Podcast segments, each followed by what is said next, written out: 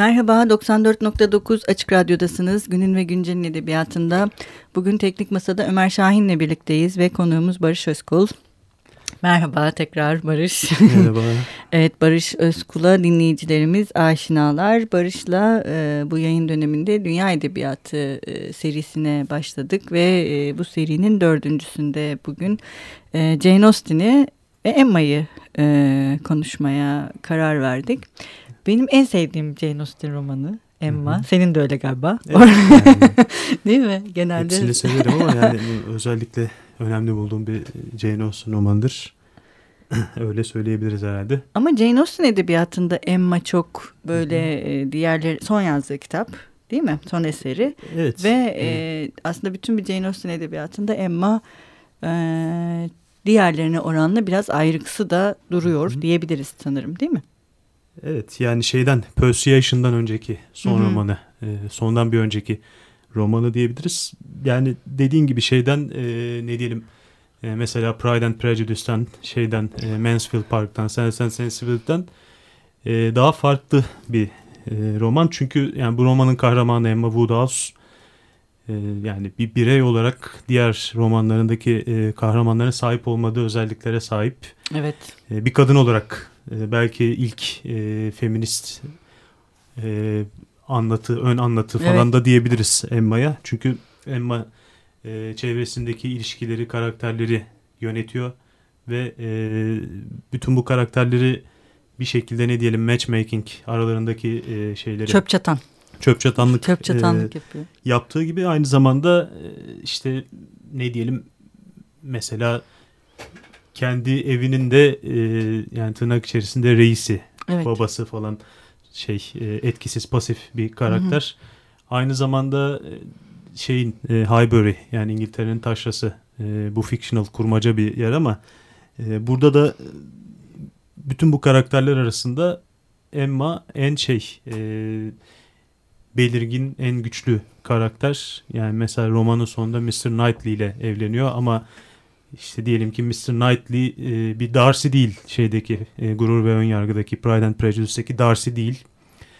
E, ve yani işte bu özelliğiyle yani Emma'nın bu şey karakter özellikleri bu bu kadar güçlü çizilmiş olması e, Jane Austen'ın olgunluk dönemi eseri zaten Emma. Yani onun başyapıtı diyebiliriz romanları arasında en şey etkileyici olan. Ve aynı zamanda yani şey e, birçok e, her programda konuştuğumuz gibi bunları tekrar edeceğim. Sosyal politik evet. gönderme de mevcut şeyde e, Emma'da ama bunlar yani bütün iyi romanlarda olduğu gibi romanın içine bir şekilde romanın dokusuna sindirilmiş özellikler, ayrıntılar, dikkatli okurun peşine düşerek keşfetmesi gereken bir takım şeyler. Yani böyle açıktan bir propaganda falan yapmıyor. Dönemin e, atmosferini böyle bir ne diyelim işte bir Zola gibi falan bir naturalist bir yazar gibi anlatmıyor Jane Austen ama dikkatli okur e, bu şeyin ayrıntılarının izini sürdüğünde bambaşka bir tabloyla karşılaşabiliyor. E, şimdi istersen buradan devam edeyim nasıl bir tabloyla karşılaşıyoruz. Evet. Nasıl e, yani bu romanın sosyal boyutuna baktığımız zaman neler görüyoruz? E, şimdi Jane Austen 1816'da yazdı bu kitabı. Yani 1816'da yayınlandı. 1811-20 arası İngiltere tarihinde e, bir kere şey e, kralsız bir dönemdir. Hmm. Regency e, devri olarak geçer. E, 3. George bir takım akli sorunları olduğu için e, ülkeyi yönetemedi. 1811 ve 20 arası onun e, oğlu 4. George Prince Regent olarak geçiyordu o devirde. Babası hayatta ama tahtta e, şey ülkeyi o yönetiyordu. Hmm. E, Prince Regent yönetiyordu. Fakat bu prens de çok böyle bizim alışık olduğumuz işte otoriter kral veya prens tipine uygun değildi. Şeyde İngiltere'nin güneyinde Brighton diye bir hmm. e, şey vardır. Şehir. E, şehir vardır daha çok böyle tatil kasabası gibidir. Avrupa şehirlerine daha çok benzer. Fransa'ya daha çok benzer. Orada Royal Pavilion diye bir yer yaptırmıştı kendine. Bir e, şey böyle sayfiye gibi bir şey ve oraya kapanmıştı. Bunlar niçin anlatıyorum? Yani bir İngiltere'de bir şey krizi vardı. İktidar krizi vardı. Yani bir bu iktidar krizi işte ülkeyi kim yönetecek, ne olacak? Yani İngiltere'nin geleceği nedir, ne değildir ve aynı zamanda şeye de yol açıyordu. Bütün bu soruların yanı sıra işte çok yakın bir zamanda Napolyon e, savaşları işte Napolyon bütün e, Avrupa ile savaştığı gibi İngiltere de savaşmıştı. Bir yıl önce Waterloo olmuştu 1815'te. Ve İngilizlerin hala işte Fransa'dan yani Fransa'dan gelebilecek herhangi bir tehditten e, ciddi bir endişeleri, korkuları vardı. E, aynı zamanda bu korkuyu şeye doğru götürebiliriz. 1789 devrimin Fransız ihtilalinin üzerinden de henüz 30 yıl geçmiş. Şimdi bu tarihsel ayrıntılara neden giriyorum? Ee, şeyde Emma'da Frank Churchill diye bir karakterle karşılaşıyoruz. Frank Churchill ve Jane Fairfax. Evet. Ee, şimdi Churchill e, nereden geliyor şeye? Yani Emma'nın bulunduğu yere Highbury'e Weymouth'tan geliyor. Weymouth da İngiltere'nin güneyinde e, işte yine Fransa'ya yakın kasabalardan biri diyebiliriz. Aynı zamanda bir tatil yöresi kaplıcalarıyla falan ünlüdür. E, bu Weymouth şeyden sonra Fransız ihtilalinden sonra hem e, işte Fransa'dan İngiltere'ye gelen e, devrimcilerin, ihtilalcilerin hem de İngiltere'de kurulan e, ihtilalci örgütlere, derneklere işte Correspondence Societies gibi bir takım yapılar var. Bunlara üye olan e, şeylerin, insanların, aktivistlerin gizlice buluştukları bir yerdi. E, işte Frank adı zaten Frank French o da Fransa çağrışımı yapıyor bize. E, Highbury'e gelip e, Emma'nın ve işte Emma'nın içinde bulunduğu şeyin e, kasabanın toplumsal şeyin e, ortamın milyonun düzenini şeyini e, bir şekilde bozuyor. Yani orada bir ki ilişkilerin gidişatını değiştiriyor. Huzuru işte, bozuyor yani. Evet huzuru bozuyor. E, işte ne yapıyor? İşte bir aşamada e, Emma'ya kur yapıyor mesela. Emma da e, Frank'in onu sevdiğini düşünüyor. Ona Hı. aşık olduğunu düşünüyor. E, işte ondan sonra Harriet diye bir karakter var mesela. Ona bir ara kur yapıyor filan. Yani böyle olduğunu düşünüyoruz. Bize bunu hissettiriyor Jane Austen. E, ama en sonunda e, Emma'nın e, pardon Frank'in şeyle e, Jane Fairfax'le daha önce nişanlandığını öğreniyoruz ve bütün bunu bunları bu hikayeyi Emma'dan ve Emma'nın çevresindeki insanlardan falan gizliyor. Bu e, şunun için e, açıklama ihtiyacı duyuyorum. İngiltere'nin taşrasında kurulmuş olan geleneksel ilişkileri şey yapacak, bozacak, tahrip edecek bir şey. E, karakter olarak Frank Churchill diye birisini şey yapıyor. E, romana dahil ediyor Jane Austen. Bu da aslında biraz Fransa'dan gelecek tehlikenin şeyi, Hmm. habercisi diyebiliriz. Bütün o korkuların romandaki ifadesi. Bir de iktidar boşluğu var. İktidar boşluğu. Evet. En sonunda ne oluyor? Ee, şunu görüyoruz. Ee, Emma e, şeyle e, Frank Churchill ile değil Mr. Knightley ile Evet. evleniyor ve Mr. Knightley ise geleneksel baba İngiliz Peki. baba tipini Çocukları var temsil ediyor zaten. filan. Ve e, evet çocukları da var. En sonunda şey yani İngiltere'nin geleneksel sınıfsal ve milli şeyi e, özellikleri romanda tekrar vurgulanıyor. Yani o sınıfsal denge yeniden kuruluyor. Frank ve Jane Huzur. Highbury'den yani. gidiyorlar, evleniyorlar ama yani artık onların herhangi bir emniyeti kalmıyor. Yani Jane'in şeyin e, Frank'in Emma ile evlenme tehlikesi ortadan kalkıyor. Yani kitap yanımdaydı bir şöyle bir hatta oradan bir alıntı yapayım bu e, şeyden bahsederken Mr. Knightley'nin. İngiliz e, baba tipini temsil etmesi ve şey e, Churchill'in ise tam aksine şeyi e, Fransız olmak Fransız özellikleri falan.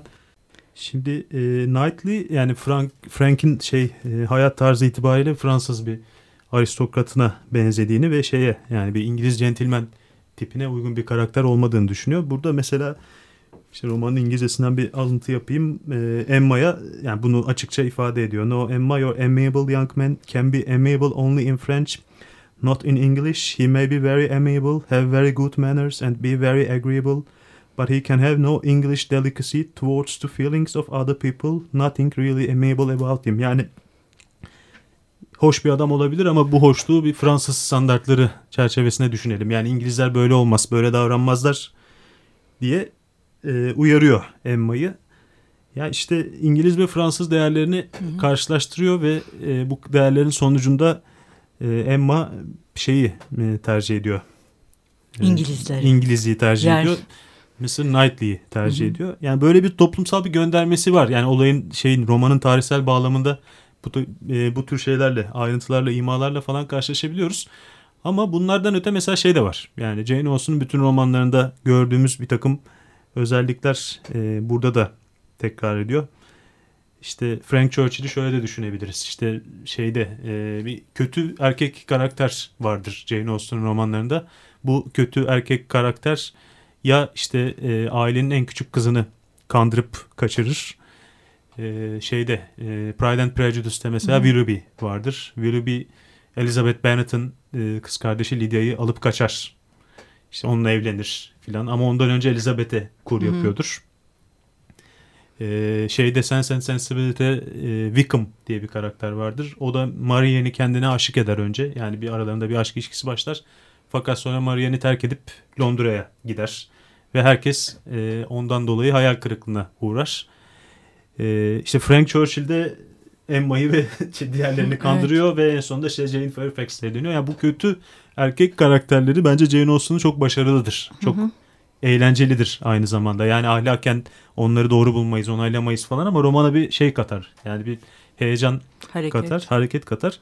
Bir de ama, zıtlıkları sağlamayı. Evet en sonunda da şu oluyor yani Emma biraz e, orada da Emma'da da var bu. Pride and Prejudice'te de mesela görürüz aynı şeyi. Ee, iyi kadın e, bu kadın bazen orta sınıf bazen alt orta sınıftır. Yani bir takım maddi problemleri de olabilir. İyi ve ahlaklı kadın en sonunda zengin bir koca bulur, sınıf atlar ve e, mükafat yani. refaha ulaşır, mükafatlandırılır. Böyle bir e, örüntü Jane Austen'da çok sık tekrar eder. Bunu çok sık görürüz. Yine şeye e, gurur ve önyargıya Pride and Prejudice'e gidersek işte e, Elizabeth Bennet şeyle Darcy ile e, en sonunda evlenir ve orada Pemberley Estate diye bir malikane var. Oraya yerleşirler. Pemberley Estate aynı zamanda şeyin e, Darcy'nin ve şey e, Darcy'nin diyorum pardon Elizabeth'in sınıf atlamasının da sembolüdür. Yani iyi ve ahlaklı olduğu için evlilik yoluyla sınıf atlar, refaha ulaşır. Böyle bir örüntü var. Şeyde de Emma'da da Emma'da Mr. Knightley ile evlenerek Donville e, Abbey diye bir yer var. Yani bir malikane var oraya yerleşiyor. Ama Emma zaten varlıklı. Evet fena değil şey. Yani varlıklı. Yani varlıklı sayı, sayılabilir. Ama gene de yani en sonunda e, evlilikle Hı-hı. ödüllendiriyor Ama... iyi karakterlerini. Mesela. Virginia Woolf da öyle değildir. Tabii, yani tabii, değil. E, iyi ve iradeli kadınlar sonuna kadar evlenmeden evet. devam ederler. O bir engel çünkü. Evet yani için. mesela şeyde daha önce ne diyelim Samuel Richardson'ın romanlarına bakın orada da mesela Clarissa Harlow evlenmeden sonuna kadar devam eder. Bir sürü kötülükle falan karşılaşır. Hı hı. Ama Jane Austen nedense iyi kadın karakterlerini sonunda evlilikle ödüllendirir. Hı hı. Böyle bir özelliği vardır. Emma'da bütün bunları görüyoruz. Ama başta söylediğime dönmem gerekirse e, yani Elizabeth Bennet veya işte şeyde Persuasion'da e, Lydia'ydı sanırım. Lydia. Şeyde Sense and Sensitivity'de Marianne. Bunların hepsi bir bakıma pasif karakterler. Çevrelerindeki olayları çok da fazla şey yapamıyorlar. Yönlendiremiyorlar. Yönlendiremiyorlar. Emma ise bütün yanlışlıklar da yaparak yani hatalar da yaparak insanlar hakkında yanlış yargılara da vararak çevresini yönlendiriyor. Evet. Yani işte bir sürü şeyde yanılıyor. Ee, yani Harriet'i mesela yanlış birisiyle evlendirmeye çalışıyor evet. baştan. İşte Mr. Knightley'nin e, kendisinden hoşlanıyor olabileceğini romanın sonuna kadar fark, fark edemiyor falan. Ama buna rağmen e, Emma'nın iradesi, Emma'nın kararları romanın şeyi e, ana ekseni ve bu eksen etrafında olaylar e, ilerliyor. Bu da Emma'yı yani baya şey modern bir kahraman haline getiriyor. Yani modern derken bugün 20. yüzyıl romanında da Emma Hı-hı. gibi bir karakterle karşılaşabiliriz. Evet. Ee, ben gel şeyde e, programa gelmeden önce biraz e, başka edebiyat eleştirmenleri, edebiyat teorisyenleri ne diyorlar bu roman hakkında ona da bakma ihtiyacı duydum. Mesela Wayne Wood diye bir hmm. önemli bir edebiyat teorisyeni vardır. Şu İngiliz kurmac, filoloğu. Kurmacanın retoriğini yazdı. Evet Metis'ten çıkmıştı o kitabı evet, çok çevrilmişti. Da güzel bir kitap, evet. Çok da önemli bir yazardır o. Biraz Amerikan hmm. ekolü falan ama yani İngiliz edebiyatı hakkında bence okunabilecek başlıca yazarlardan biri. O şeyi mesela Jane Fairfax'ı daha ilginç bir karakter olarak hmm. görüyor Emma'dan. Çünkü Jane piyano çalıyor. Müzikle hmm. ilgili. Daha işte hmm. ne diyelim e, salon kadını gibi falan. Hmm. Yani Emma daha doğrudan daha şey daha ee, entelektüel buluyor belki herhalde. Evet, Jane'i daha entelektüel buluyor. Ee, Emma daha hislerini saklayamayan ya da hislerini daha dolaylı bir şekilde ifade edemeyen, daha direkt bir karakter.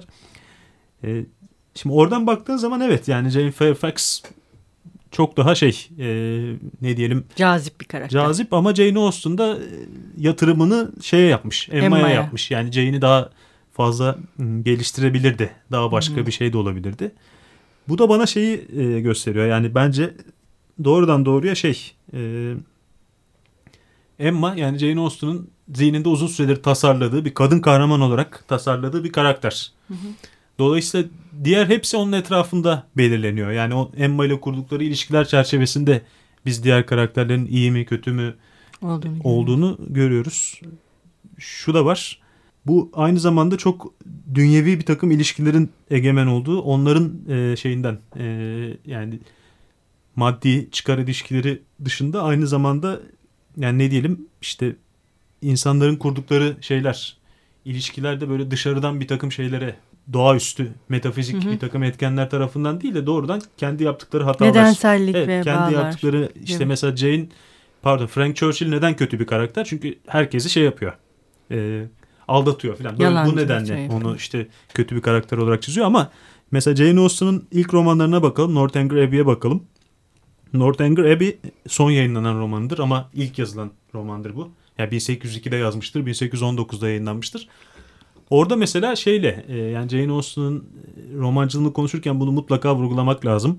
Kendinden önceki gotik roman geleneğiyle e, bütün bağlarını atar Jane Austen. Son romanı e, yani şeyi e, bence son onun İngiliz edebiyatında yazılmış son gotik roman bence şeydir. Hmm. Northanger Abbey'dir. Orada mesela işte Catherine Morland bir tane şatoya gider ve şato şeydir.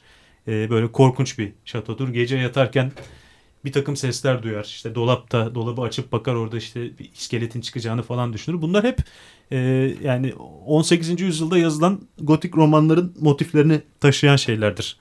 E, anlatılardır. İşte yani neydi? E, The Mystery of Udolph diye bir kitap vardır. Şeyin Anne Radcliffe'ın. Jane Austen'ın çağdaşıdır Anne Radcliffe. Ama işte o bu tür gotik romanlar yazmıştır.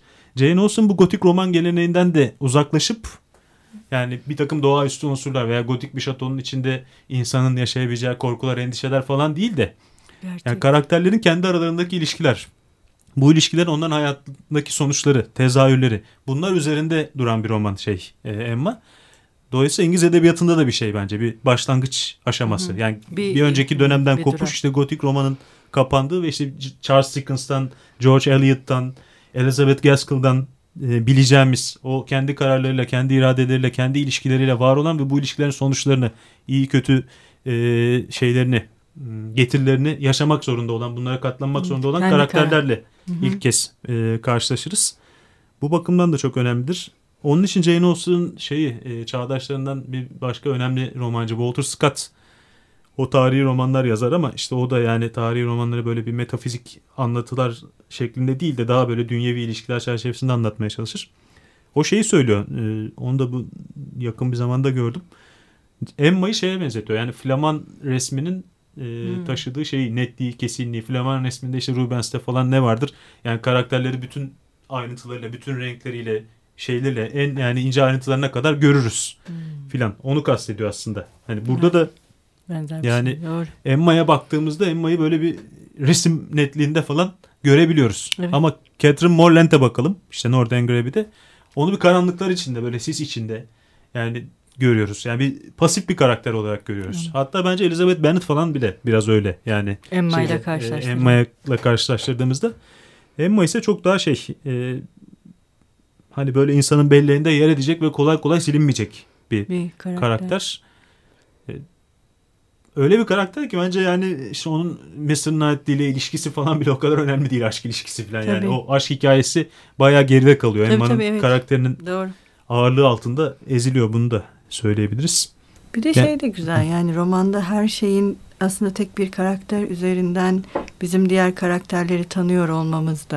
Yani mesela Türkçe'de bunu beklemek yani maruz kalmayan karakterle karşılaşmamız evet. ancak işte Bihter'le ve Ahmet Cemil'le olacak yani 19. yüzyılın evet. sonunda. Onlar da kendi kararlarının yani evet. cezalarını Hı-hı. çekebilir hale gelme yani aradan yani bayağı bir zaman farkıyla ama bu mesela evet. Halis Ziya'da yani Halis oluyor. Ziya işte Servet Üfün'le falan. Onlar da birlikte olabilecek bir şey yani. Evet. Orada ki Mesela o anlamda Emma mesela şimdi sen anlatırken düşündüm. Hani e, işte Bihter'le hep e, Madame Bovary'nin ilişkisi kurulmuştur ama hiç Emma ile bir ilişki kurulmaz mesela. Mesela sen şimdi söylerken evet. hani hem roman tekniği hem bu kahramanın böyle ortaya çıkışı aslında Emma da Halit Ziya'ya çok yabancı bir karakter değil yani. Evet yani Madame Bovary tabii daha trajik bir hmm. şey yazgısı var. Evet. Orada işte evet. boşanma yok işte intihar falan evet. başka temalar da var. Emma daha şey neşeli, neşeli bir kadın. Çok, yani çok, çok fazla öyle yani üzülerek kaybedecek zamanı falan yok. Evet. Yani neşeli. çok şey hayata bağlı filan. E, bu özellikleri de var.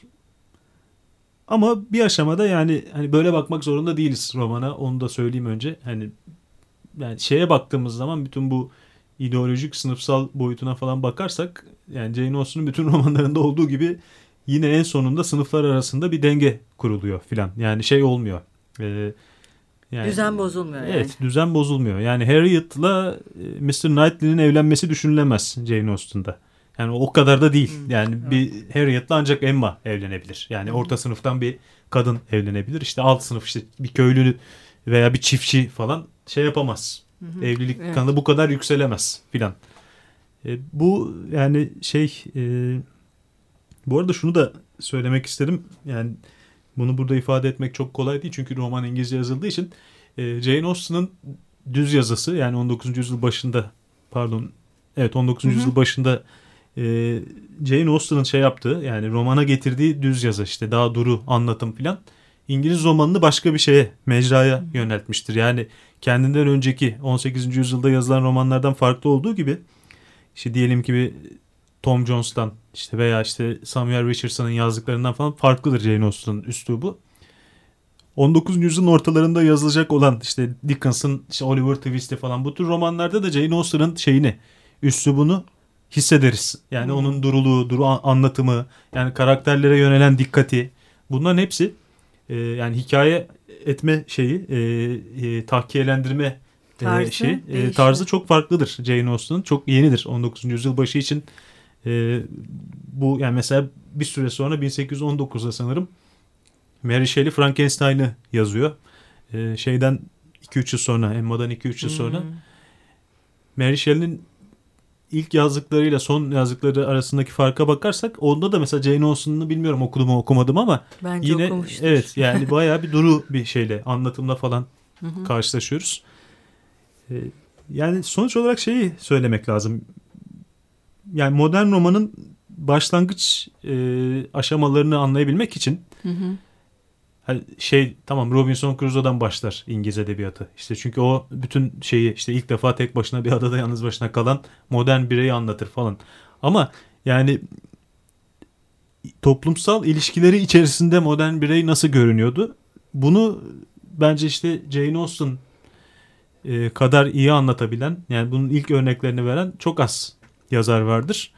Emma'nın bir özelliği bunu şey yani bir kadın karakter üzerinden anlatabilmesi herhalde yani Dünya kadınlar bu kitaba baktığında benim söyleyebileceklerimden çok daha başka şeyleri de görürler. Daha evet. ilginç şeyler de söyleyebilirler.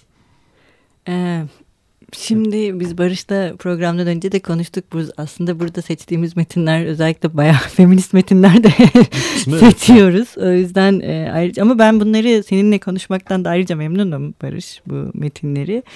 Ee, Şimdi biz e, Ekim ayında e, Dünya Edebiyatı'nda e, Salman Rushdie ile devam etmeye karar verdik. Hangi kitabı e, Gece Yarısı, Gece Yarısı çocuklarını e, konuşacağız. Çok teşekkürler Barış. Çok güzeldi her ben zamanki gibi. Hoşçakalın. Görüşmek üzere. Görüşmek üzere.